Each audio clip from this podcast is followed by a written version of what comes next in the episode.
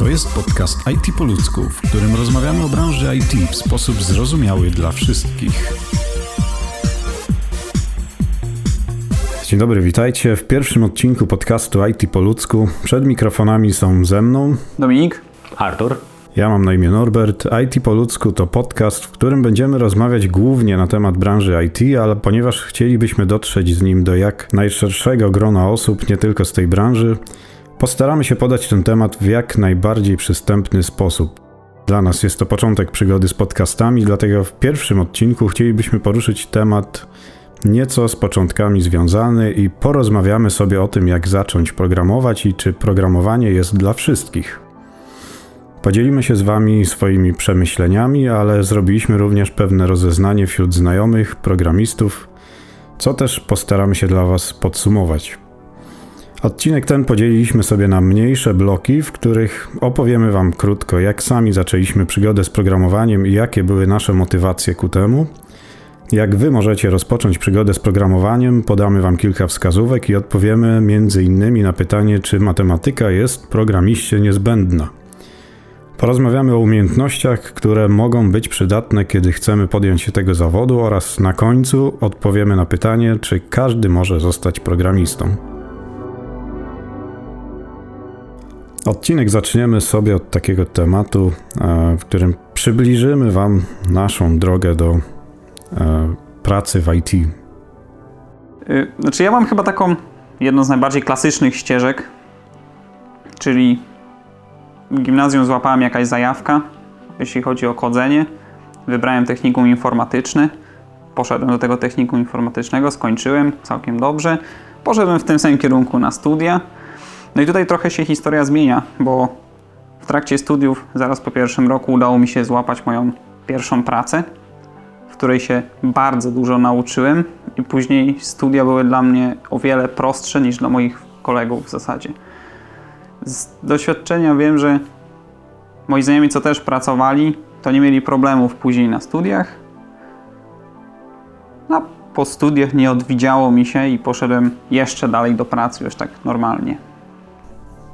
Czyli innymi słowy, studia, właściwie praca sprawiła, że studia stały się dla Ciebie prostsze. Zdecydowanie, bo nauczyłem się wielu przydatnych umiejętności, których trochę mi brakowało na studiach. W moim przypadku y, przygoda z programowaniem zaczyna się dużo później, bo tak profesjonalnie i z większym zaangażowaniem zacząłem uczyć się programować w wieku 32 lat. Y, Po tym jak postanowiłem się przebranżowić, skorzystałem z kursu online, który był reklamowany w internecie. Zapaliłem się bardzo do programowania, do tego co dzieje się w przeglądarce, ale takie pierwsze zacięcie do programowania było podobnie jak w Waszym przypadku. Była to szkoła średnia, liceum i lekcje informatyki, pierwsze HTML i CSS-y. No niestety tak się życie potoczyło, że po 19 roku życia musiałem wyjechać za granicę i pomagać swojej rodzinie, więc dopiero w późnym wieku mogłem wrócić do jakiejś swojej pasji, do tego, co chciałbym tak naprawdę robić w życiu. Ja mam w sumie historię dosyć podobną do tego, co Dominik e, przytoczył. Tylko u mnie się to zaczęło mniej więcej w 97 roku, kiedy rodzice kupili pierwszy komputer. Ja chyba byłem wtedy w drugiej klasie podstawów, szkoły podstawowej. E, No i w tamtych czasach, pod koniec lat 90., w sumie na podwórkach królował Dragon Ball. Wszystkie dzieciaki to po szkole oglądały, no i tak naprawdę dwa lata później, w 99 z kolegą e, zaczęliśmy robić w takiej aplikacji, która się nazywała Microsoft Frontpage, e, stronę internetową na temat Dragon Balla. E, później tak naprawdę ta aplikacja to była taka aplikacja, gdzie mogłeś ustawiać klocki w zasadzie na samym początku. Potem zdaje się zmieniło się to w edytor kodu HTML-owego.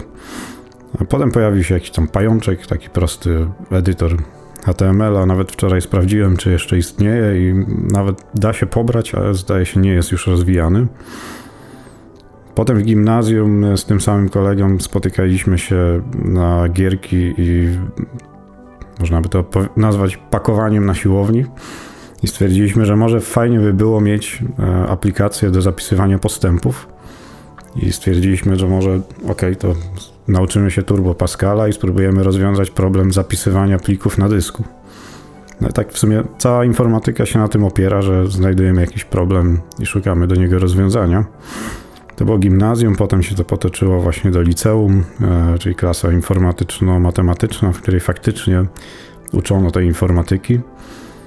E, matura z informatyki i tak dalej. Tam akurat w liceum uczyliśmy się Turbo Pascala, potem z tego co pamiętam już e, zmienili to na C, więc tak dosyć na grubo, że tak powiem, w liceum.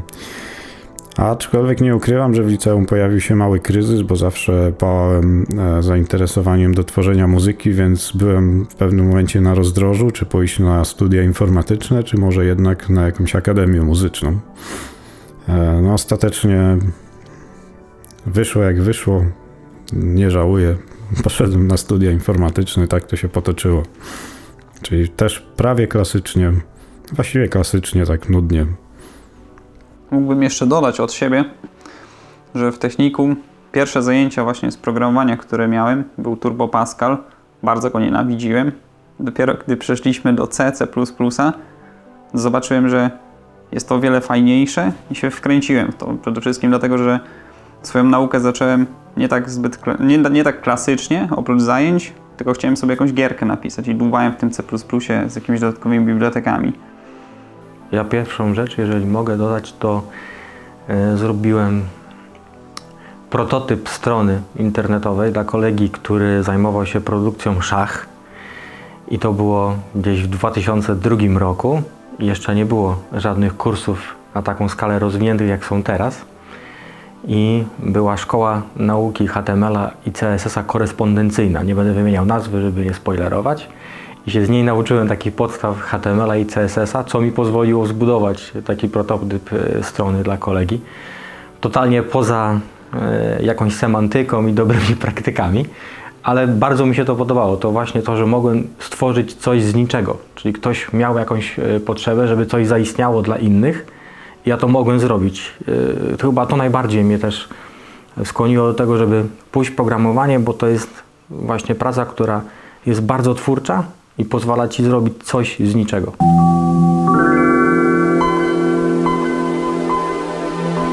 Dobrze, skoro zaczęliśmy sobie już z takim e, wstępem przywitaliśmy się, pokazaliśmy troszkę naszą, nasze początki z programowaniem. Każdy miał, jak widać, troszkę inne.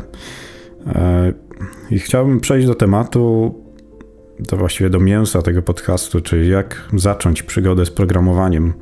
Ale pierwszy temat, jaki chciałbym jakby w tym zakresie poruszyć, to są motywacje, jakie powodują, że ludzie chcą zostać programistami. Nie pytam tutaj o nasze motywacje, bo jakby już wyjaśniliśmy sobie, jak to się stało. Ale waszym zdaniem, jakie są motywacje, że ludzie zostają programistami?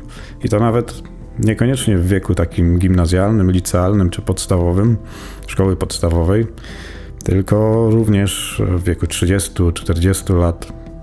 Ja osobiście najczęściej spotykam się z dwoma takimi motywacjami.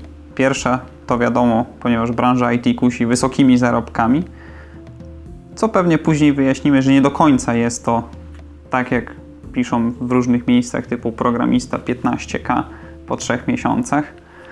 Część ludzi chce się po prostu przebranżowić, bo na przykład nie podoba im się już ich obecna praca, bądź chcą spróbować czegoś nowego. No i najprostszym w sumie kierunkiem jest IT w tym momencie. Druga taka motywacja, to jest też po części, co mnie skłoniło, to jest chęć tworzenia czegoś, jakaś praca kreatywna u nas w pracy w zasadzie jako programiści no, nigdy się nie nudzimy. Jeśli dobrze wybierzemy ścieżkę, no to nie mamy szans się nudzić, a jeśli nawet wpadniemy do firmy, w której robi się w kółko to samo, to i tak możemy robić jakieś swoje projekty, które są całkowicie oderwane od tego, co robimy. Sky is the limit. Tak, ja się zgodzę e, z Dominikiem, że często pierwszą y, motywacją, jaka skłania ludzi do tego, żeby zostać programistą, jest to, że chcą się przebranżowić a za nią idzie y, ta kwestia zarobkowa, że w IT są y, dobre zarobki. Jak najbardziej są, ale kosztem czegoś. Kosztem przede wszystkim umiejętności i wiedzy, którą się nabywa przez długie lata. Żeby bardzo dobrze zarabiać w IT, trzeba w IT spędzić dużo czasu, bo w IT się płaci za umiejętności i doświadczenie przede wszystkim. I to trzeba nabyć, ale ta motywacja podstawowa wydaje mi się, że często jest właśnie zarobkowa. Druga, e, zaraz za nią moim zdaniem, to jest właśnie to, że jest teraz programowanie w modzie. Wszędzie są billboardy, e, wejdziemy na YouTube'a, to przed rozpoczęciem filmiku są spoilery odnośnie różnych szkół, które teraz oferują właśnie naukę programowania, które oferują nawet e, oferują, zapewniają Cię o tym, że po ukończeniu będziesz chociaż mógł odbyć staż płatny po kursie, więc to pewnie też motywuje ludzi, żeby chociażby spróbować. Jak najbardziej e, jest to dobre. To takie dwie rzeczy. Ja nie będę ukrywał, znaczy u mnie motywacją nie były pieniądze, bo to się jakoś tak potoczyło po prostu samo z siebie, to za, przez zainteresowanie do komputerów.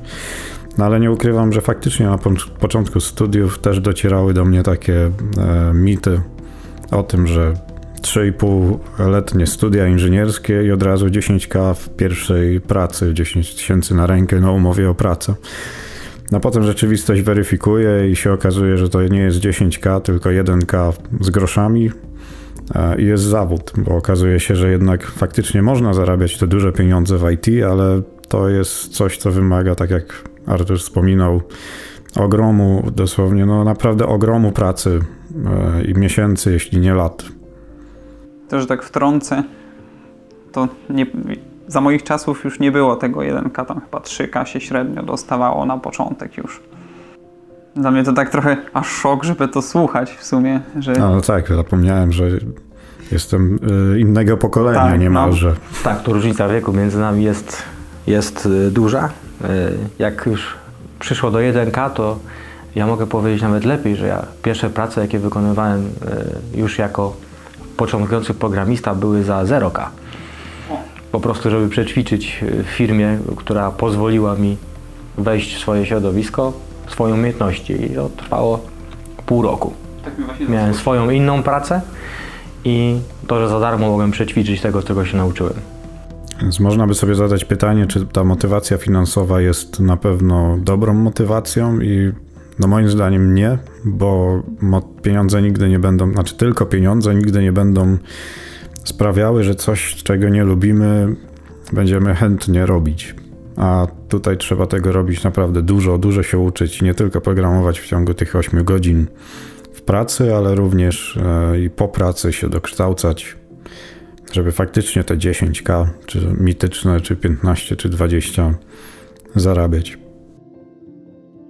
E, dobrze, ten temat też ujęliśmy w ankiecie dla naszych znajomych programistów, e, więc no, podsumowaliśmy go sobie i tak się przedstawiają wyniki. Aż 57% e, potwierdza to, o czym mówimy tutaj, czyli głównym motywatorem do zostania programistą są pieniądze. Według e, programistów, nie dla nich, to trzeba sobie zaznaczyć. E, no i jakby drugą największą, drugim największym motywatorem, aż 42% osób to wskazało, była pasja do programowania czyli takie klasyczne zainteresowanie tym tematem. Troszkę mniej, bo 14% to jest możliwość zbudowania czegoś ciekawego, co może zmieniać świat. Czyli to można by nawet skrócić do jakiejś misji programowaniu. E, no i też 14% stabilność zatrudnienia i komfort pracy. No z pewnością e, branża ta jest dosyć stabilna, bo cały czas potrzebujemy nowych programistów i to też może kusić. Tutaj też warto zaznaczyć, że te procenty oczywiście nie składają się na 100%, ponieważ każdy mógł e, odpowiedzieć, zaproponować parę rzeczy, więc tak to się przedstawia.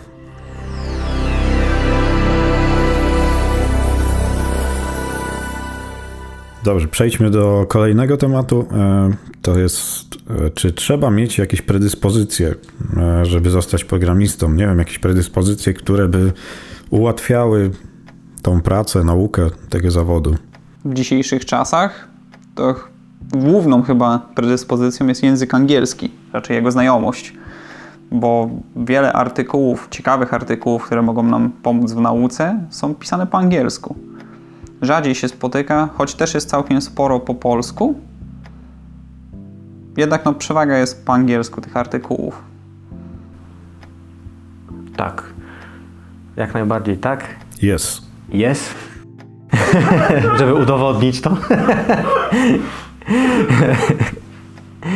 Jak najbardziej tak, ze względu też na to, że w przyszłości, jeżeli będziesz się rekrutował do jakiejś firmy, najczęściej polskie firmy współpracują z zagranicznymi firmami typu Szwecja, Norwegia, Niemcy. Można wyliczać w sumie e, cały świat w zależności od firmy, więc na pewno będziesz rekrutowany po angielsku, e, jeżeli będziesz się rekrutował do dużej firmy. Dwa, tak jak Dominik wspomniał, e, środowisko polskich artykułów na temat programowania jest węższe niż angielskie. Dlatego możesz zacząć z polskim artykułem, a i tak na końcu wylądujesz e, w artykule po angielsku, bo będzie bardziej opisywał to, czego potrzebujesz i będzie konkretniejszy. Tak właśnie pamiętam, że y, jak szukałem jednych z pierwszych materiałów do nauki, to trafiłem właśnie na fajny kurs Java po polsku, chyba była Java Start to się nazywało i to mi wystarczyło w zasadzie tylko, żeby zacząć bo jakieś większe tematy i tak musiałem znać ten angielski, żeby no po prostu poznać mm, więcej niuansów. Jeszcze w sumie co do tych predyspozycji, wydaje mi się, że oprócz angielskiego chęć do działania jest taką predyspozycją też, którą trzeba mieć. No to na pewno, bo to nawiązuje trochę też do tego, co mówiliśmy przy okazji pieniędzy, że to nie jest prosty zawód.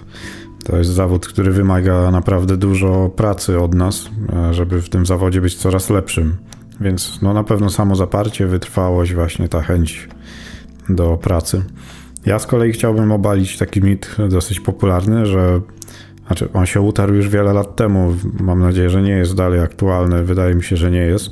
Przynajmniej ja się już z nim nie spotkałem, że programista to jest taki chudy gość w sweterku, zamknięty w małym pokoju w swojej dziupli i programuje. No nie wiem, szczerze mówiąc, czy są jeszcze dzisiaj jakieś firmy, w których tak, tak programiści funkcjonują. Z reguły już pracuje się w grupach, w zespołach. E, jest dosyć e, częsta komunikacja z klientem. Tym klientem oczywiście nie musi być firma zewnętrzna, która zleca nam soft, ale to może być na przykład E, project manager, który, na, który jakby nadzoruje ten projekt, on też, jego też można traktować jako klienta, takiego co prawda wewnętrznego, ale to wciąż jest klient, z którym się porozum porozumiewamy. Czyli innymi słowy, no mm, raczej skrajnie aspołeczni programiści mogą mieć ciężko. Poza tym jeszcze chciał, można tak klasycznie odpowiedzieć, to zależy od tego, co chcemy robić ponieważ inne według mnie predyspozycje trzeba mieć, żeby tworzyć strony internetowe. Nie mówię tutaj o takich prostych stronach, wizytówkach, tylko o dosyć zaawansowanych systemach. No i tutaj według mnie dosyć kluczowe okazuje się kreatywność i poczucie jakiejś takiej estetyki. Wiadomo, że koniec końców najczęściej dostajemy jakieś e, zaprojektowane rzeczy, które musimy odzwierciedlić, ale tak czy siak no, nigdy to nie jest jeden do jednego i trzeba jakoś to sobie we własnym zakresie ogarnąć. E, a zupełnie inne predyspozycje, przypuszczam, są, jeżeli ktoś chce programować logikę po stronie serwera, e, gdzie się przydadzą takie rzeczy typu ścisły umysł, e, jakaś logika matematyczna, matematyka najczęściej. Ważną rzeczą, o której nie, nie, powiedzieliśmy, to jest to, że e, jedną z podstawowych umiejętności, jaką trzeba mieć, to jest umiejętność wyszukiwania tego, czego potrzebujesz w internecie, czyli możliwość, możliwość umiejętność korzystania e, z przeglądarki internetowej, z wyszukiwarki Google. To są też podstawy, jeżeli chodzi o umiejętności programisty, ale chyba jeszcze jedna z tego wynika, że taką jeszcze podstawową umiejętnością przed szukaniem czegokolwiek to jest nazywanie rzeczy po imieniu. Bo ja muszę wiedzieć, jak nazwać rzecz, którą chcę wyszukać. I to jest często trudno, e, trudność, e, żeby nazwać rzecz po imieniu, po to, żeby ją szybciej wyszukać. Więc idzie z tym też ta e, umiejętność posiadania fundamentalnej wiedzy w tym zakresie, którym się zajmuję czy to jest web development, czy backend, czy cokolwiek e, innego. Jak nie znam y, rzeczy, które muszę nazwać, to ich nie znajdę. Ja mam jeszcze zapisane tak naprawdę dwa punkty. E, jedno to jest zdolność pochłaniania, szybkiego pochłaniania wiedzy. Znaczy to na pewno się przydaje, rozumienie tego, co się czyta, szybkie pochłanianie tej wiedzy, ale też ciekawość technologii. No jeżeli jesteś, nie, nie jesteśmy zaciekawieni ogólnie programowaniem czy technologią, no to ta wiedza będzie bardzo opornie wchodziła i może nawet być tak, że nie wejdzie w ogóle. E, no i ostatnią rzeczą, jaką sobie zapisałem, to ma związek właśnie z tą pracą grupową. To jest otwartość na konstruktywną krytykę, ponieważ no, tak naprawdę na co dzień jesteśmy oceniani, znaczy nie my, tylko oceniany jest nasz kod, ale to ma też cel taki, e, żebyśmy się stawali coraz lepsi, bo z reguły oceniają ten kod osoby, programiści bardziej doświadczeni i mówią, co jest źle, jak to można zrobić lepiej. Więc no na pewno ta otwartość na konstruktywną krytykę jest dosyć istotna. Ja bym jeszcze dodał jedną umiejętność cierpliwość. Poprogramowanie równa się walka z błędami. Jesteś dobrym programistą dopiero wtedy, kiedy potrafisz rozwiązać problem, który cię spotyka. Więc to nie jest tak, że za każdym razem, kiedy zaczniesz pisać, wszystko będzie pięknie, od razu się e, skompiluje, bez błędów, właśnie jest odwrotnie. Najczęściej będziesz popełniał błędy, będziesz widział te błędy i musisz mieć cierpliwość do tego, żeby się z tymi błędami zmierzać. I tu wracamy do tego właśnie, co już było wcześniej, czyli znowu spotkałeś błąd, musisz y, wyszukać, musisz przeczytać, musisz zrozumieć, musisz wiedzieć, jak zapytać. Dobrze, przejdźmy teraz do odpowiedzi w ankiecie. To może być ciekawe. Aż 57% programistów uważa, że jest to zdolność analitycznego myślenia przy rozwiązywaniu zadań i problemów. To się trochę sprowadza też do tego wyszukiwania, wie, znajom, posiadania wiedzy, jak nazwać to, czego szukamy. To też. 36% to jest cierpliwość i motywacja. No tak, bez cierpliwości, bez motywacji to na pewno będzie szło dosyć opornie. Chęć do rozwoju, E, ponieważ no, to jest taki zawód, w którym rozwój jest wręcz wpisany w codzienność tego zawodu. Bardzo łatwo można wypaść, nie rozwijając się. W zasadzie no, tak trochę smutna predykcja, ale wystarczy rok, dwa nie rozwijać się, tylko robić w jednej technologii to samo i świat już pójdzie do przodu. I może być wtedy problem. 14% to jest kreatywność, mm, no bo na pewno programowanie to jest w jakimś sensie twórcza praca, ale 14% również osób odpowiedziało, że nie, nie trzeba mieć żadnych predyspozycji szczególnych do tego, żeby zostać programistą. No i 7% komunikatywność. Dobrze, przejdźmy sobie do kolejnego tematu. To jest taki temat, który też bardzo często się przewija i to też zadają to pytanie osoby niekoniecznie związane z informatyką, nawet babcia, czy mama, czy tata przy wigilijnej kolacji. Czy matematyka jest potrzebna, aby zostać programistą? Moje ulubione pytanie chyba. Można odpowiedzieć tu bardzo klasycznie. To zależy. Na przykład znaczy nie, no tak naprawdę to zależy, co chcemy robić. Jeśli chcemy zacząć samą przygodę z programowaniem, no to nie potrzebujemy jakichś większych umiejętności matematycznych niż podstawowe operacje matematyczne, na dobrą sprawę.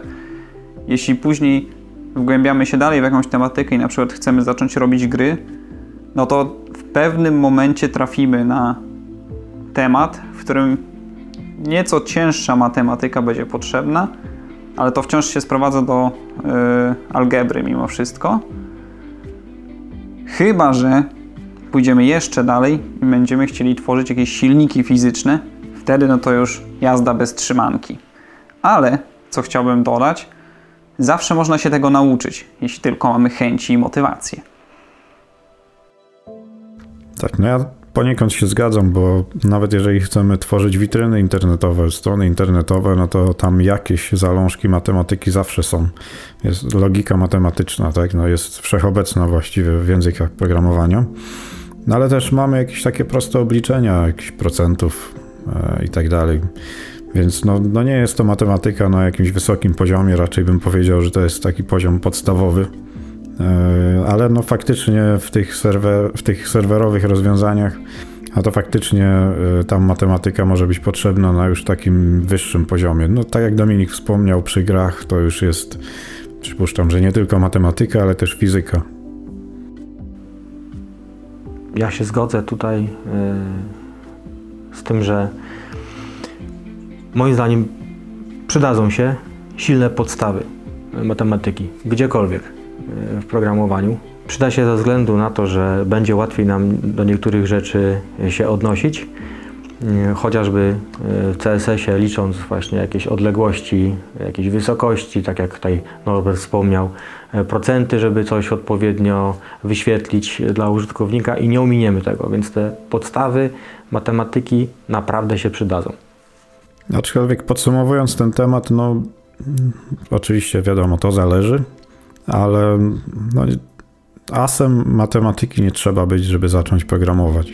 To nie jest tak, że jeżeli jechaliśmy na trójkach e, z matematyki, to już nas to dyskwalifikuje z tego zawodu. No tak nie jest, chyba że faktycznie chcemy robić gry, silniki fizyczne, jakieś obliczenia skomplikowane, no to to jest jakby już wpisane w ten temat, więc tutaj na pewno matematyka, fizyka jest przydatna. No i trzeba podkreślić, że zawsze można się tego douczyć. Sam jak coś potrzebuję jakiejś analizy danych, mam książki, z których odświeżam sobie tą wiedzę, bądź nabywam nową. Tak, oczywiście. No może zdarzyć się taka sytuacja, kiedy z matematyką nie byliśmy nigdy zainteresowani zbyt szczególnie, nie wchodziła nam dobrze, a przychodzi taki moment, kiedy nam się to odmienia i nic nie stoi na przeszkodzie, żeby się jej też nauczyć, nadrobić całą wiedzę. Przejdźmy do kolejnego tematu, e, który brzmi: od czego zacząć w sytuacji, kiedy budzimy się pewnego pięknego dnia i myślimy, kurczę, chciałbym zmienić coś w życiu i zostać od dzisiaj programistą. To tak było w moim przypadku. Nie, nie do końca, ale powiedzmy, że e, bardzo bliski przykład. E, przede wszystkim no, trzeba albo mieć e, dostęp do wiedzy, teraz mamy, bo są kursy, więc można skorzystać z kursu. No i teraz tutaj, jeżeli chodzi o kursy, to mamy do wyboru w zależności od tego, czy jestem studentem, czy już jestem e, dorosłym człowiekiem, który pracuje i chce się zmienić, to mam do wyboru albo stacjonarne kursy, albo kursy online, które będę indywidualnie realizował. To są możliwości, które jeżeli nie jestem człowiekiem związanym z IT, będzie mi prościej, bo muszę od kogoś nabyć wiedzy, gdzie, czego szukać, w ogóle jak zacząć, czy, czy frontend, czy backend, czy tworzenie e, aplikacji mobilnych i tak dalej. Druga rzecz to mogę mieć kolegę, który jest programistą i który mi może powiedzieć, od czego zacząć. Chociażby wskaże mi kursy, które są dobre, nawet po polsku, żeby z czymś zacząć i zobaczyć. Ja sobie właśnie też zapisałem ten punkt z kolegą. E, znaczy, najbardziej luksusowa sytuacja jest wtedy, kiedy kolega jest w stanie cię jakoś pokierować w tym, w tym zawodzie, w nauce. E, a jeszcze lepiej, jeżeli podrzuci kolejne pomoce naukowe, jakieś tematy, będzie śledził postępy, zweryfikuje kod, będzie dawał wskazówki do tego kodu, no to już jest chyba najbardziej komfortowa sytuacja, kiedy mamy kogoś, z kim można porozmawiać, kto może pomóc w tym temacie. Mam właśnie takiego kolegę, który się mnie pyta o różne rzeczy, jak może na przykład coś zacząć, y, co może poprawić w tym kodzie, podsyła mi swoje y, przykładowe programy. No i tam staram się go nakierować jakoś. Pytanie w sumie można jeszcze zadać, co jeśli nie mamy takiego kolegi. I tutaj mi się nasuwają dwie opcje. Możemy poszukać po forach, czy no na Facebooku, czy na Reddicie. Jest masa ludzi, którzy, właśnie to jest najśmieszniejsze, którzy chętnie pomogą. Nikt ci nie powie, że a nie umiesz programować i nadajesz się do tego, tylko wręcz cię wciągną do, yy, znaczy będą próbować cię wciągnąć do społeczności i tam podsyłać różne rzeczy, materiały, rozmawiać z tobą. Jest jeszcze druga opcja, może trochę trudniejsza, ale można pójść na jakiś meetup, który jest w mieście organizowany. W dzisiejszych czasach, znaczy może nie w czasach akurat teraźniejszych, ale zanim była korona, to dużo było takich meetupów, na które można było się załapać, pójść i pogadać nawet ze społecznością programistów, podpytać coś. To też są bardzo otwarci ludzie. Tak, no z reguły mówi się, że najbardziej profesjonalni programiści to ci, którzy chętnie dzielą się wiedzą z innymi, a nie kitrają ją dla siebie.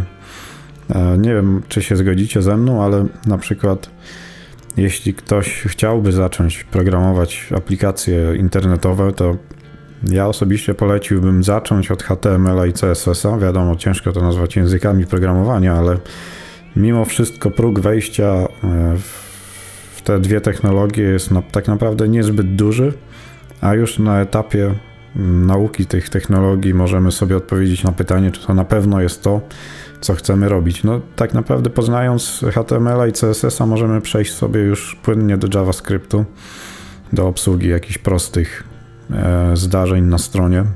Tu nawiązując do tego, co powiedział Norbert, e, jak najbardziej zgadzam się z tym, że ten próg wejścia na frontend, e, budowanie aplikacji webowych jest o tyle prostszy, że może szybciej Cię zapalić do tego, że to jest fajne, to jest ciekawe i żeby iść głębiej bo właśnie ten próg nie zmiażdży cię, ta wiedza na początku, tylko powoli ci pokaże, że krok po kroku będziesz wiedział więcej, będziesz budował to lepiej i dzięki temu będziesz uczył się nowszych rzeczy, ciekawszych i trudniejszych.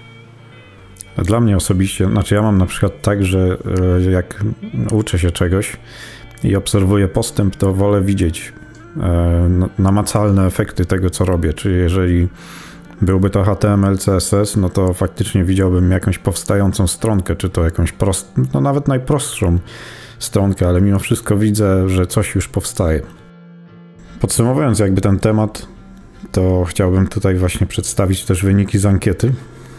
Mm, I najczęściej pojawiająca się odpowiedź to było właśnie znalezienie jakiegoś dowolnego kursu do języka i po prostu rozpoczęcie pisania dowolnego kursu, który przedstawia totalne podstawy tego języka. Chociaż tutaj, no ja bym powiedział, że jeśli jesteśmy totalnie zieleni, to ciężko w ogóle znaleźć jakiś język. E, I pojawia się właśnie sugestia też w ankietach, że można rozpocząć od właśnie HTML, CSS-a, JavaScriptu. Kolejna podpowiedź to jest czytanie książek, artykułów, oglądanie jakichś wideo, poradników co do tego, jak zacząć programować. Pojawia się też propozycja, o której rozmawialiśmy, czyli rozmowa z innym programistą, który ma doświadczenie. No to jest właśnie ta idealna opcja. E, I jest też kurs stacjonarny albo jakiś mini projekt własny. E, no i studia. To też wydaje się być takie, no, o ile oczywiście mamy taką możliwość, żeby w ogóle pójść na studia. Są też propozycje, żeby może dołączyć do jakiejś grupy. To, to też wspominał Dominik właśnie o tych meetupach. Bądź poszukanie stażu, ale to jest już taki krok, e, gdzie już coś wiemy i chcielibyśmy ewentualnie tą wiedzę zweryfikować, no to faktycznie można pomyśleć o jakimś bezpłatnym stażu, jeżeli w ogóle mamy taką możliwość, żeby się tego podjąć.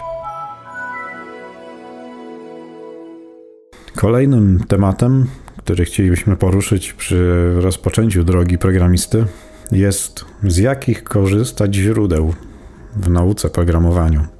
Ja bym chciał tutaj zacząć, e, że tak naprawdę podstawą do w ogóle nauki programowania jest znajomość języka angielskiego, przynajmniej w stopniu takim, żeby umieć czytać i pisać.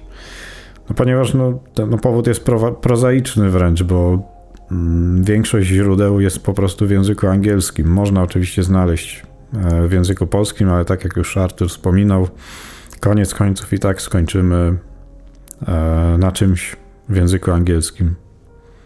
Tutaj troszkę to pytanie się pokrywa też z poprzednim, bo tak jak są, można zacząć też mm, od kursów po prostu, jakichś platform, które, no jest tego teraz dużo, czy to Udemy, czy Pluralsight, czy Coursera. Można wybrać jedną z tych platform, wybrać, nawet jeśli nie wiemy, jaki chcemy kurs wybrać, na przykład strzelić sobie losowo i zobaczyć, czy nam się to spodoba po prostu. Chyba, że wiemy, co chcemy robić, na przykład strony internetowe, wtedy bierzemy coś Mm, z tej kategorii, ponieważ są też kategorie różne na tych platformach. Właśnie do tego chciałem nawiązać, co Dominik powiedział. Jak już się określę, e, w czym bym chciał się wyedukować, jako programista, czy właśnie, ok, stwierdzam, że chcę się uczyć e, frontendu, nawet wystarczy YouTube i wpisanie sobie w wyszukiwarkę kurs e, JavaScript, najlepiej po angielsku i wyskoczy nam wielu programistów, którzy dzielą się swoją wiedzą. Ja osobiście korzystam e, z niektórych programistów, którzy mają bardzo szeroki content, jeżeli chodzi o programowanie nie tylko frontowy, ale i backendowy i dzielą się swoimi filmikami. Więc jeżeli ktoś chciałby w ogóle zacząć nawet przed wykupieniem jakiegoś kursu, który jest na przykład płatny, wiele jest bezpłatnych, można też je znaleźć, to najlepiej sobie wyszukać coś na YouTubie względem języka, którego chcę się uczyć i zobaczyć ile jest materiałów, a na pewno będzie sporo i pooglądać. Często jest też tak, że te osoby, które prowadzą dane kursy, mają też swoje blogi i też na tych blogach możemy znaleźć jakieś informacje. Często też są to mm, tematy, które na początku się przydadzą, ale też z tych blogów możemy znaleźć inne blogi, takie bardziej dla początkujących i to też nam powinno dać jakieś początkowe umiejętności, nakierować nas jakoś. No właśnie to, jak się zorientujesz już, co chcesz zrobić i zaczniesz szukać, no to rozpocznie się taki łańcuch zależności, że będzie tyle wiedzy, że nie zdążysz jej zanotować, a jak będziesz ją notował, to twoja notatka y, będzie się non-stop rozszerzała, nigdy się nie skończy. Tak, jeżeli nie jesteśmy tak totalnie początkujący, no to takim źródłem informacji naprawdę na pewno jest oficjalna dokumentacja danej technologii, ale to już faktycznie trzeba wiedzieć, jak to ją czytać, jak ją znaleźć i tak dalej, i tak dalej. Więc z reguły bym to zalecał już osobom, które już zaczęły a tutaj jeszcze też pojawia się taka oczywista dosyć podpowiedź typu książki, ale wydaje mi się, że już od jakiegoś czasu książki dosyć szybko się dezaktualizują, więc mm, prędzej stawiałbym chyba na książki, które są uniwersalne i z biegiem lat nie tracą na wartości, niż kupowanie książki o jakiejś konkretnej wersji jakiegoś języka czy frameworka, biblioteki i tak dalej. I też z książką trzeba trafić pod, pod daną osobę, tak na dobrą sprawę, bo jeden styl pisania może części osób odpowiadać, a innej nie. Więc to też ciężko trochę trafić. Czasami nawet po próbkach tych książek nie jesteśmy w stanie określić, czy ta książka będzie dla nas, czy nie. No i też e, innym, ostatnim takim, z mojej strony przynajmniej, e, punktem są kursy stacjonarne, które też były już wspomniane wcześniej przy okazji innych poprzednich tematów. Tylko tutaj oczywiście trzeba mieć na uwadze, że to są kursy, które kosztują bardzo dużo pieniędzy i jeżeli nie jesteśmy pewni, czy chcemy to robić, to ja bym naprawdę rozważył najpierw e, spróbować skorzystać z darmowych źródeł, zobaczyć, czy to faktycznie czy to faktycznie jest coś, co chcemy robić, bo no bo tu chyba Artur może potwierdzić, że na kursach można też spotkać programistów, którzy chętnie znaczy prowadzących programistów, którzy chętnie gdzieś tam pomogą z tym własnym kodem. Jest tak, na pewno, bo zawsze w kursie się ma mentora, który e, ci pomaga. E, tam mamy też kolegę, który. Ja jestem osobą, która ukończyła właśnie ten online kurs własnym tokiem, ale mamy też tutaj w zespole kolegę, który robił kurs stacjonarny. I sam powiedział, że jeżeli prowadzący widzą w kimś talent, taką iskrę do tego, że będzie coś z takiej osoby, to poświęcają jej na pewno więcej uwagi. Tak mówił nasz e, kolega, że dostawał więcej materiałów, bo widzieli po prostu, że robi więcej, więc dawali mu więcej. Dobrze, przechodzimy do kolejnego tematu. E, to są dobre praktyki, nawyki, które warto pielęgnować już od samego początku nauki programowania. E, I tutaj właśnie chciałbym zacząć od tego, tak sobie pomyślałem wczoraj, bo dosyć dużo osób tego nie robi, bo nawet e, jeżeli robiliśmy rekrutację u nas w firmie i dostaliśmy ileś dziesiąt e, CV, to bardzo dużo kodu, który był tam załączony do tych CV, było napisane w języku polskim. I to jest coś, co, czego najlepiej się wystrzegać od samego początku, i pisać kod w języku angielskim tylko i wyłącznie, ponieważ tak czy siak w pracy komercyjnej e, będziemy prawdopodobnie prędzej czy później pisali kod z kimś, kto nie rozumie języka polskiego, a poza tym no, takie są po prostu standardy w firmach, e, że z reguły pisze się kod po angielsku. Zgadzam się z tym, jak najbardziej. Mógłbym od siebie jeszcze dodać, ciężko to może nazwać dobrą praktyką, ale na pewno regularność w ćwiczeniu na samym początku jest kluczowa. Na samym początku i tak musimy więcej pracy włożyć, ponieważ jak będziemy robić coś na przykład co sobotę, nie da nam to takiego efektu, jakbyśmy na przykład po godzince każdego dnia robili na samym początku. Na samym początku mamy bardzo dużo do nauczenia się, więc myślę, że takie samo zaparcie i regularność w ćwiczeniu będzie, na, będzie dobrą praktyką po prostu. Tak, no ja dokładnie sobie to samo zapisałem, czyli wytrwałość w regularnej nauce. Ponieważ no, to nie da się ukryć, że no, to jest mozolna sprawa i jeżeli wydaje nam się, że po 8 godzinach pracy gdzieś tam, e, chcąc się przebranżowić, wrócimy do domu i będziemy to robić, nie wiem, godzinkę dziennie, czy dwie godzinki dwa razy w tygodniu, no to prawdopodobnie nigdy się nie wydarzy ten moment, kiedy dojdziemy do takiego poziomu, żeby podjąć jakąś komercyjną pracę. To są, no, to są raczej 4 godziny dziennie przez 3 miesiące, 4, pół roku nawet, żeby dojść do jakiegoś poziomu akceptowalnego, e, który pozwoli na to, żeby się zatrudnić w jakiejś firmie na stanowisku tak naprawdę juniorskim, tak? czyli takim początkującym. Znaczy, trochę się nie zgodzę, bo godzinę dziennie myślę, że wystarczy przez jakiś dłuższy okres czasu, żeby się czegoś nauczyć, tylko musi być ta regularność. Jeśli będziemy robić godzinę dziennie i odpuścimy sobie na tydzień, no to to wyparuje po prostu.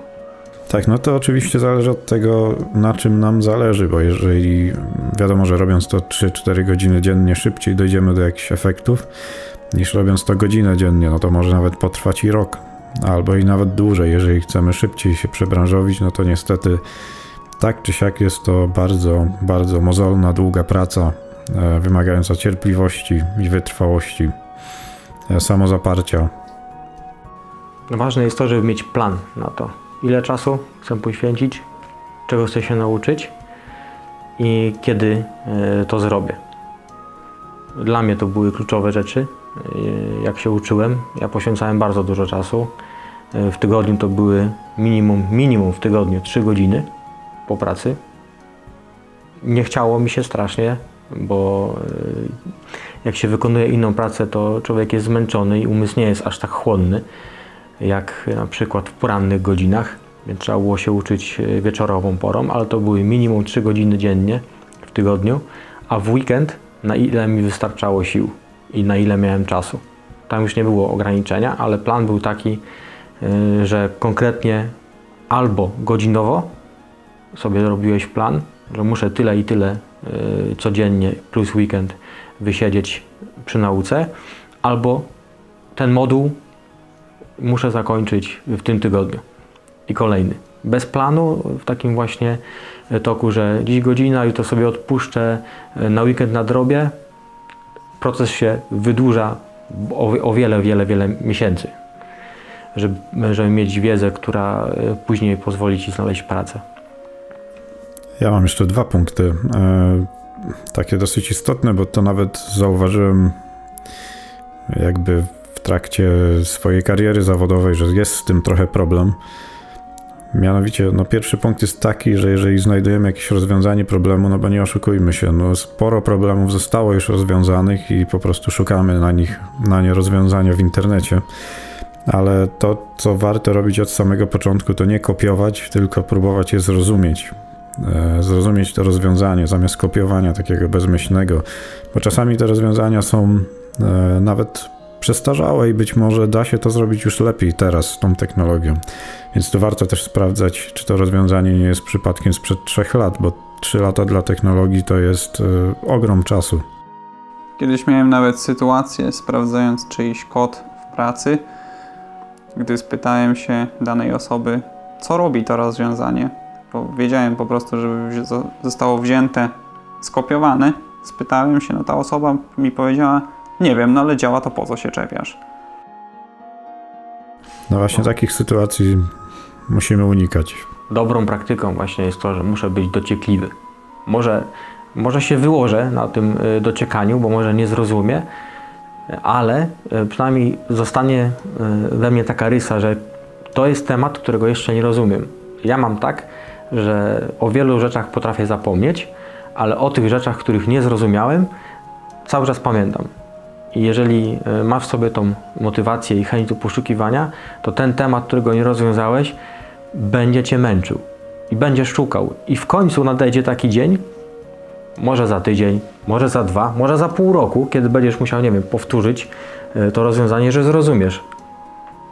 Tu warto sobie na przykład zapisać taki problem i spytać kogoś, na przykład czy kolegę z zespołu, czy kolegę programistę, może nam ktoś wytłumaczy wtedy. Łatwiej będzie nam przyswoić tą wiedzę też.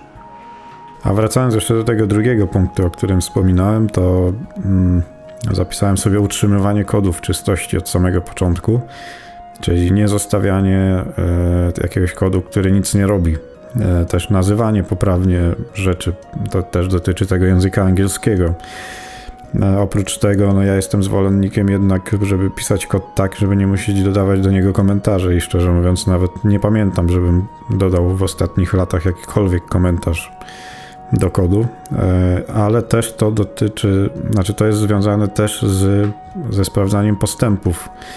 Czyli fajnie by było co miesiąc, po miesiącu, po dwóch miesiącach zerknąć jeszcze raz na ten kod, który napisaliśmy miesiąc temu, czy dwa miesiące i zobaczyć, czy z obecną wiedzą nie jesteśmy w stanie tego napisać lepiej. To jest w sumie takim dobrym wyznacznikiem postępu w nauce. I ponownie do tego pytania mamy też wyniki z ankiety i 36% to jest właśnie czysty kod od samego początku. Dokumentowanie i testowanie swojego kodu 21%, samo rozwój 21% również i ciągłe poznawanie nowych technologii 14%.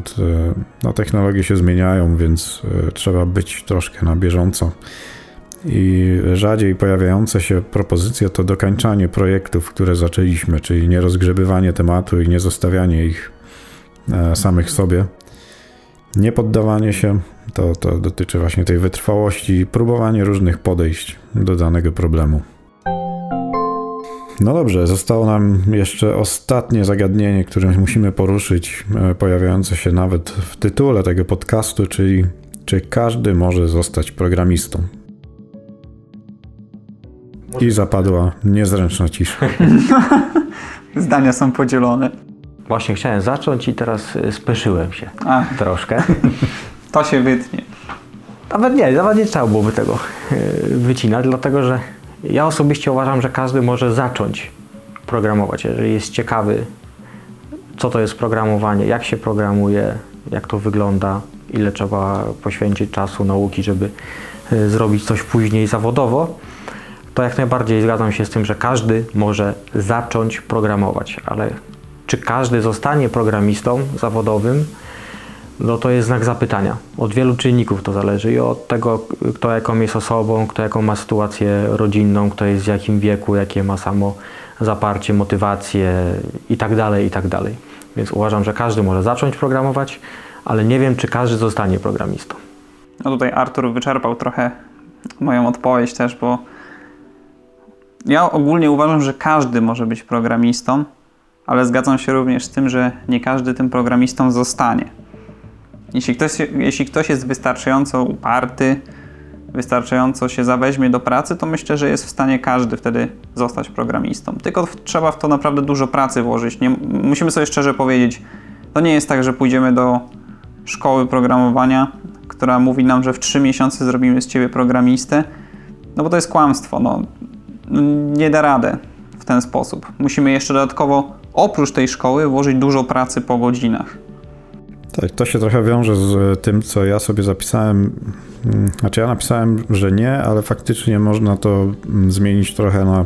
Każdy może programować, ale nie każdy zostanie programistą, czy nawet solidnym programistą. Ale to ma według mnie związek też z odpowiednią motywacją do tego, żeby zostać programistą, bo jeżeli jedyną motywacją są pieniądze, no to prawdopodobnie one, tak jak już mówiliśmy wcześniej, nigdy nie będą wystarczającym motywatorem do tego, żeby zostać dobrym programistą. A dobry programista to nie jest programista, który idzie do pracy e, pracuje od 8 do 16 i zapomina o tym programowaniu później, bo praca też nie jest miejscem, w którym powinniśmy, w którym w ogóle się rozwijamy. Tak? Praca jest miejscem, w którym oczekuje się od nas wykorzystywania konkretnych umiejętności, więc jeżeli chcemy pójść do przodu, no to to programowanie nie kończy się po godzinie 16. Ono wciąż będzie trwało i wciąż będziemy się uczyć i uczyć, i uczyć i tak dalej. Tak jak lekarz nie uczy się na pacjencie nowych technik, tylko zazwyczaj e, jeździ na konferencje, kursy, nie wiem z czego korzystają jeszcze lekarze. Tak samo jak prawnicy czytają e, nowe jakieś ustawy, nowe prawo i tak dalej, muszą być na bieżąco z tym. To tak samo programiści również po pracy muszą być na bieżąco z technologiami. E, no i fajnie jest pracować też w firmie, w której nie ma tylko jednego, jedynego oprogramowania, które rozwijamy, właściwie może nawet nie rozwijamy, tylko utrzymujemy je non-stop, bo jak e, mówi książka, pewien taki fajny cytat z książki Software Craftsman, 10 lat w jednym projekcie to tak naprawdę rok doświadczenia powtórzony 10 razy. Podsumowując jeszcze ankietę do tego pytania, czy każdy może zostać programistą, no to tutaj zdania są bardzo podzielone, bo połowa osób odpowiada, że nie, argumentując to tak naprawdę dokładnie tak samo jak my argumentowaliśmy tutaj. Połowa uważa, że jak najbardziej każdy może zostać programistą.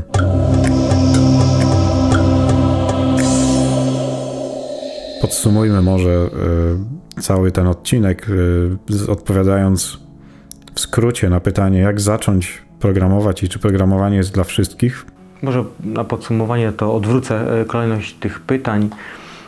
Mm, każdy może zacząć programować, nie każdy zostanie e, programistą. Jak zacząć? W zależności od tego, w jakiej jesteś sytuacji, tak jak mówiliśmy, możesz albo skorzystać z darmowych kursów, albo z płatnych kursów, w nawiasie szkół, które ci pomogą uzyskać wiedzę e, w danej technologii.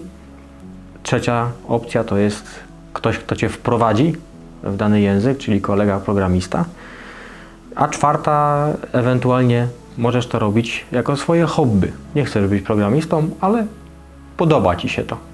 Do tego dodałbym jeszcze oczywiście odpowiednią motywację, E, żeby to nie była tylko motywacja finansowa, pieniężna, tylko również jakieś zainteresowanie, żeby szło za tym tematem, bo wtedy na pewno będzie łatwiej uczyć się tego. No i wiadomo, praca, praca, praca, jak to mawiał Peon z Warcrafta 3.